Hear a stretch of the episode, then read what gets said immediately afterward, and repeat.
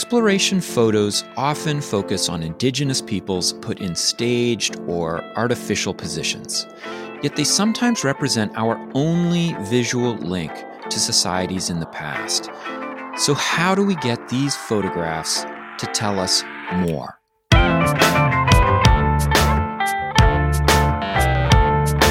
It's time to eat the dogs. I'm Michael Robinson.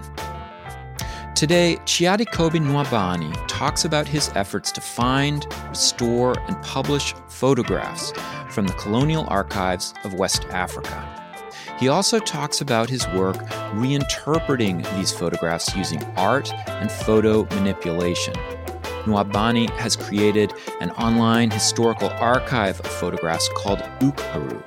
He has also contributed to the Reentanglements Project, which retraces and reinterprets the journeys of British anthropologist Northcote Thomas during his surveys of Nigeria and Sierra Leone in the early 1900s. Chiadikobi Nwaubani, thank you so much for talking with me. Thank you for inviting me. So, you collect and publish historical photographs of the Igbo people of Nigeria on your blog, Ukpuru. Uh, I was wondering what your inspiration for doing this was. Well, generally, I'm kind of inter- interested in history, I guess. But one of the things about history, starting first of all, Ukpuru is um, inspired by a website called Old Photos of Japan. And I just thought it was kind of interesting if I could recreate something like that. And the reason I started that was because these images, we never see them in Nigeria. I grew up partly in Nigeria and we did do a bit of history. And I'll get back to that point again because they kind of removed history in Nigeria for a bit. But um, we did a bit of history and we weren't really taught much about anything that happened before the independence period. And in the process of searching for images, I just started finding different archives with images I've never seen before, information that I've never seen before. And I thought, you know, with the inspiration of other websites, there were sort of like um, collections of old images of specific places. I just had the inspiration of creating a blog where I could sort of pull all those um, different things and information I was finding into one place so that, you know, for reference for myself and reference for anyone who might come there because also I kind of like do arts work and stuff. And, you know, I, I think a lot of those images are useful for anyone who's sort of in like into the arts. Sort of like they can um even if it's something like a film or something like music, because there's also audio recordings, or you just want to, you know, make a few sketches or something. I thought that was like an interesting angle as well. That's something I'll look into.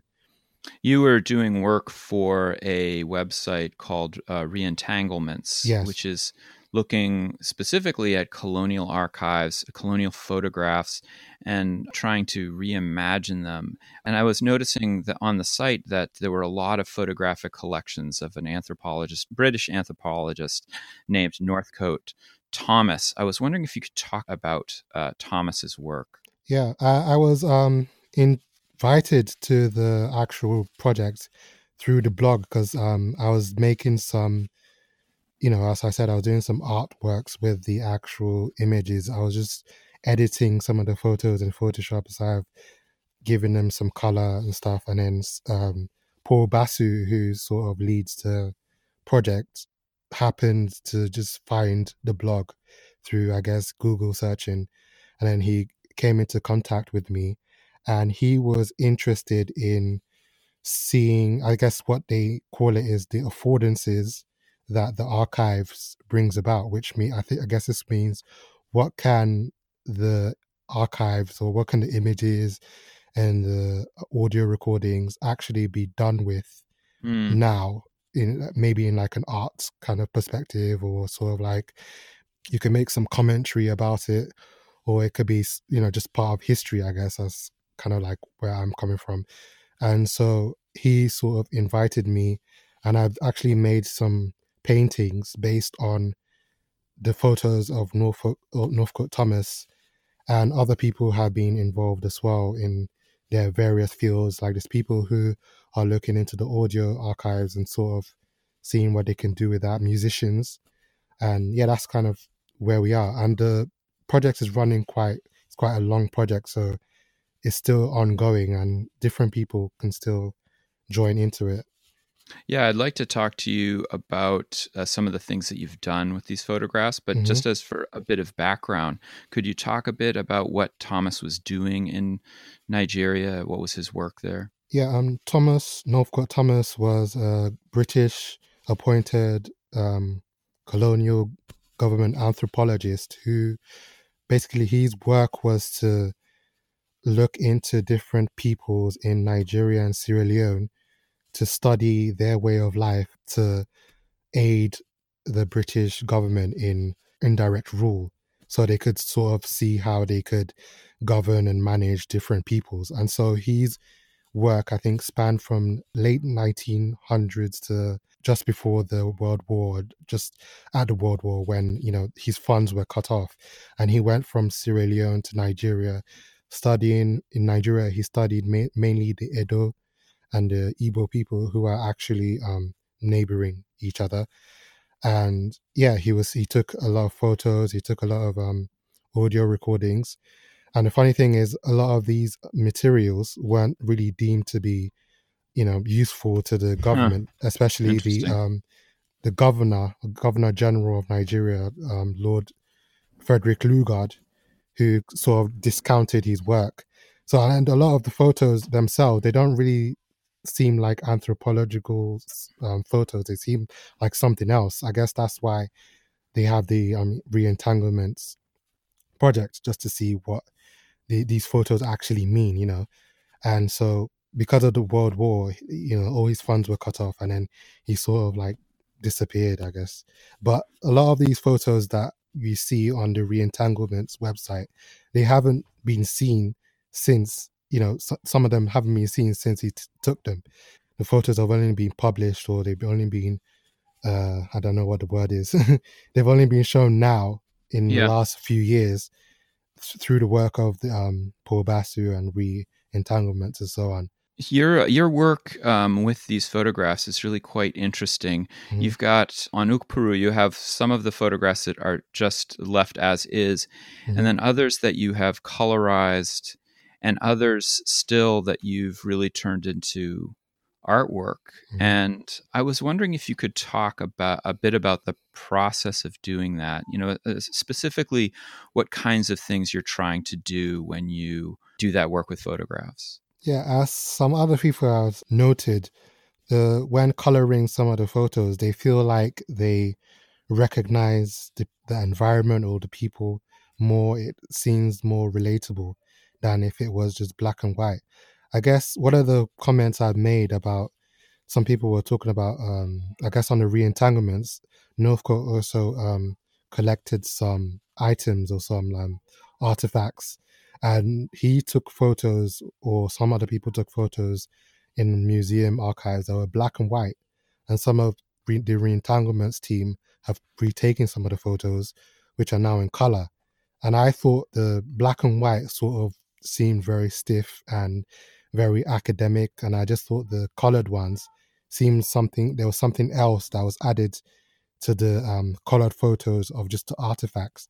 So I, I just wanted to see what I could do by coloring the photos and how these photos could be made more relevant today, uh, aside from being just, you know, colonial archives or anthropological sort of images. And as I said, uh, one of the one of the reasons I started Ukpuru was just as a way of, you know, finding history and finding especially the material culture of Igbo people. And it's only later I started uh, having to confront, obviously, that a lot of these old photos are completely connected to colon- colonization and colonialism. Yeah, and I started had, having to deal with that. But apart from that, I was just, I guess, the succinct way of saying it was I was trying to look at the beauty of the photos, I guess. Yeah. Yeah, that's one of the things. Yeah. There's one uh, photograph that is just uh, incredibly striking. It's a young Igbo boy named, mm-hmm. I think, named Moku. Yes. It's actually a girl. Yeah. I found out it's a girl. Yeah. the colors that you put in and the colors that you leave out of this photograph are so mm. striking to me and i was i was just thinking about you know with anything that you talk about in terms of historical restoration i mean uh, i think especially i'm a historian and there's a kind of agony that we all have about this issue you know mm-hmm. because you want to bring things to life and at the same time you want to be true to the document. Yes. And so i was wondering how you wrestle with that uh, kind of dilemma. Yes whenever i uh, color it and i show it i try to put the original photos as well but i just look at the coloring as just a piece of art, I guess. I don't try to make it seem like it's a, you know, reproduction of the artwork or something to replace the original photo. I just do it as a sort of experiment, I guess, and I try and try my best to as to make references to what I think the colors are, and I just kind of that's how I do it as a way of just showing the possibilities of what the photos could be.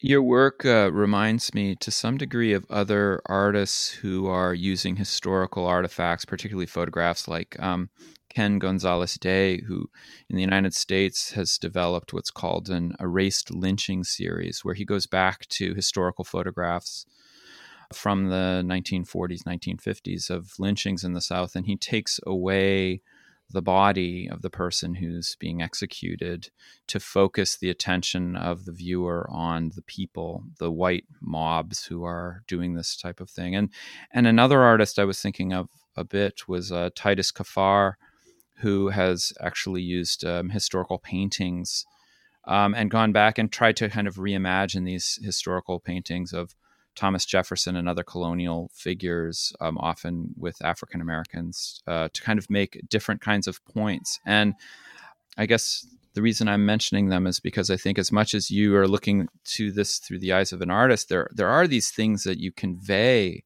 to mm-hmm. me at least. I was wondering if you think there's a kind of historical truth that art can bring to the to the photograph.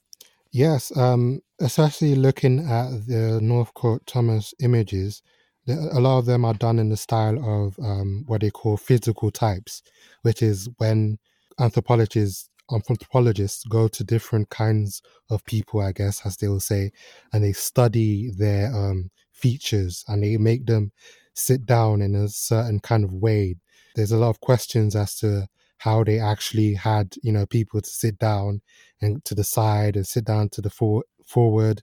And there's a lot of questions as to you know the expressions of the people's faces especially because we don't have any information yeah. of the people and if we do have information of the people it's only through the photographer and the anthropologists so i think yeah there's a lot of that as well and as i said um when i first came into it i was quite naive or i guess i was quite um I didn't know much about the colonial history of anthropology and stuff, but as I started to be confronted with these images, I had to, I was led to find a lot of these um, histories of anthropology and histories of racialism, I guess, of, of of studying people's faces, and there's a lot of that in the photos. And of course, for Northcote Thomas, as I keep going back to, there's other people as well. For them to be physically there, it was because of you know colonization, it's because of conquest, and there's a lot of that behind it as well. And uh, something I haven't actually addressed was when I'm talking about um, going back and looking at the beauty and stuff. There's also um, questions behind that because a lot of those cultures that we as Igbo people look back on have er- been erased or they've you know vanished. Mm-hmm. So there's a sort of like I don't know if it's a longing or there's a sort of um, um, trying to harken back to something by looking at these photos. And if there's like um, particular body art or something like on the girls, she has body art all over her. Yeah. we don't we don't have that anymore. Then it's a question of why do we not have that anymore? Do you understand? You mentioned at the beginning of the interview that uh, the the history that you were exposed to growing up was really post-colonial history in Nigeria. Yes. Uh, why why was that? I think in Nigeria, there's this sense of the history is a way to bolster up the kind of Nigerian identity or to sort of um, just sh- show how we came to be a unified people, and there's a sort of um, a cleaning up of history. So even like um, Frederick Lugard, who was the person who joined the two parts of Nigeria, we don't really hear anything behind colonization or anything like that. We just hear about oh, there was um a guy who came over and he created Nigeria and then we got independence and that was it. And I think also there's a lot of things in the history of Nigeria that I guess people want to keep out of the curriculum as well. And I, I don't really understand why we don't learn a lot about about different things. There's you know different rebellions, there's different things in history that we just don't. That's just been left out. You mentioned to me um, at the beginning that you grew, you were born in London and you grew up, yes. but at, at an early age, you were also traveling back to yes. Nigeria and you spent time there and mm-hmm. um, moved back and forth. And your parents were Igbo. Mm-hmm. Do you have memories of those early childhood trips? Yes, to Nigeria. Yeah, because um, I actually stayed a lot of the times in the uh, my village, the rural areas, and there was a lot of um culture there especially when it comes to the end of the year. We have different masquerades and festivals. So it was something that was quite, the festivals was something that impacted me quite a, a lot when it came to culture. There's actually a, a, photograph of you on the Reentanglements website. Mm-hmm of you during one of these uh, festivals. I yes. was wondering if, if you could talk a little bit about the masquerades. Yeah, the um the main because in the different parts of even ju- not just in different parts of Nigeria, but in different parts of the Igbo area or the Igbo land, we have different kinds of masquerading festivals or masquerading sort of institutions. So in my area of Nigeria, Umuahia, we have something called Ekpe. And Ekpe actually goes all the way from eastern Nigeria to southwestern Cameroon.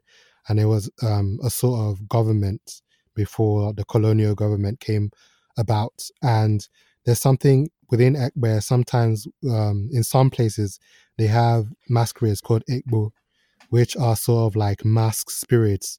And um, these masked spirits are sort of very, you know, boisterous, very violent. So you can see that even my in the photo i'm sort of like leaning very pensive to go next yeah you are yeah, yeah. to go next to it because they will they will actually um hit you with a cane because you know they'll, they'll actually hit you so yeah so we have different masquerades especially at the end of the year and also um during what we call the new yam festival mm. Iriji, which is um it's just like a it's a harvest festival and it happens around august so yeah the different masquerades a couple months ago, I had my colleague Joyce Ashuntantang, who's a mm-hmm. professor of poetry and literature here at University of Hartford, and she is originally from uh, the English-speaking area of Cameroon, and mm-hmm.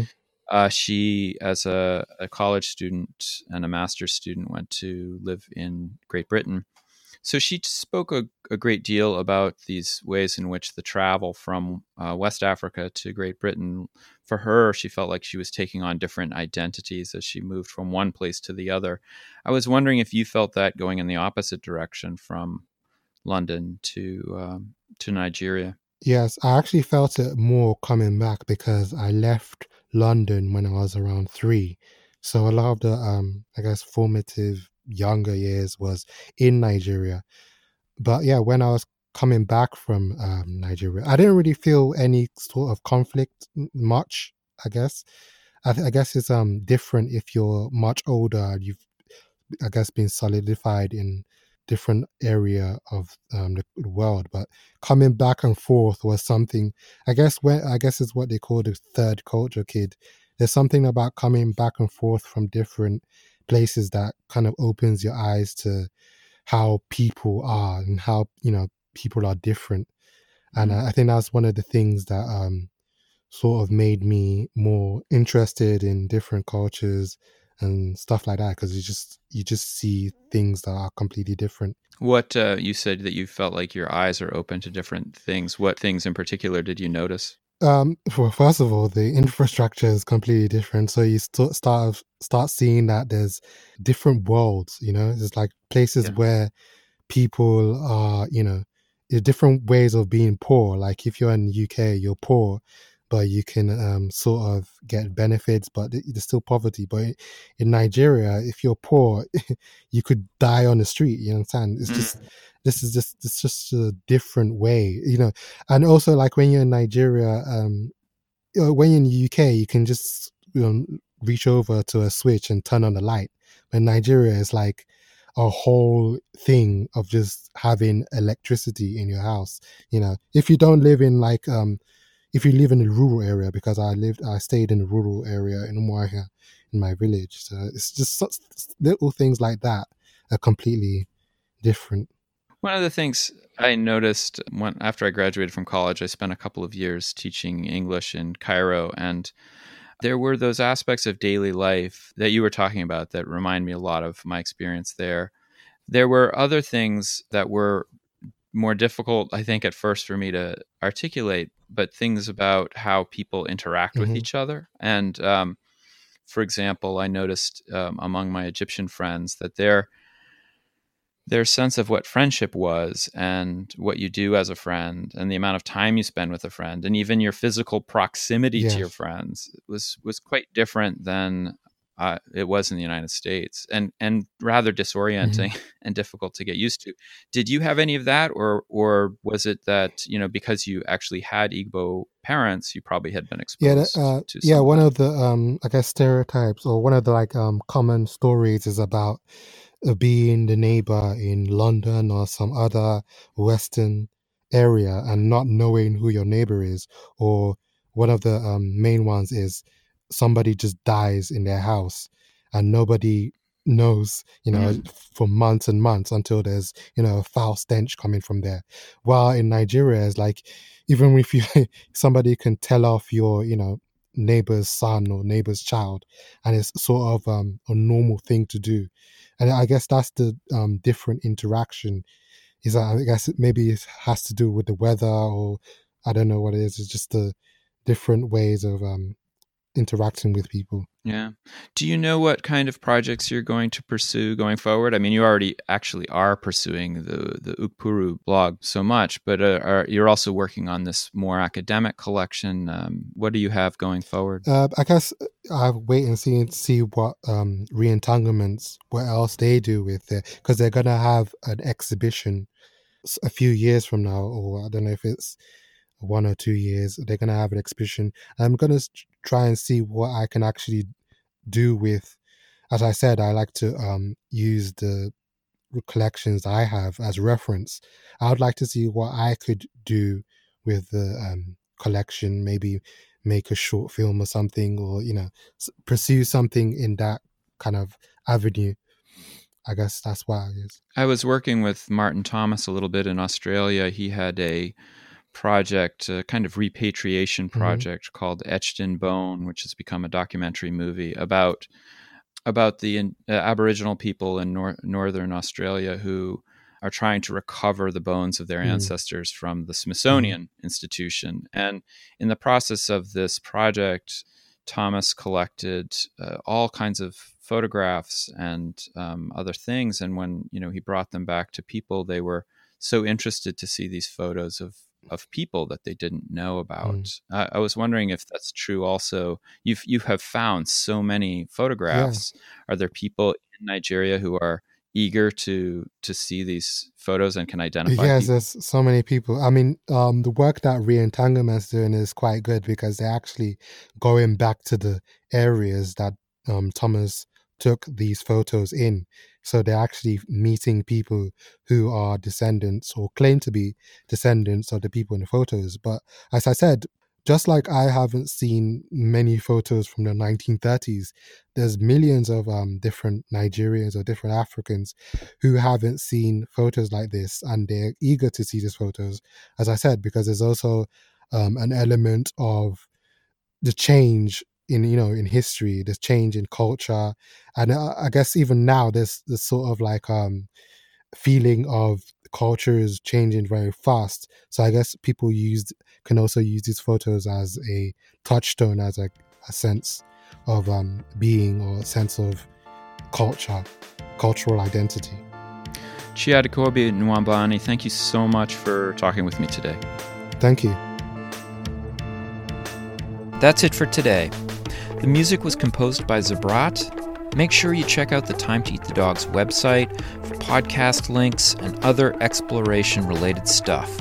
And if you get the chance, please take a minute to rate and review the show wherever you get your podcasts. It really helps make the show visible to new listeners. And if you want to recommend a guest or make a comment, feel free to contact me at time to eat the dogs, that's one word, lowercase, at gmail.com. See you next week.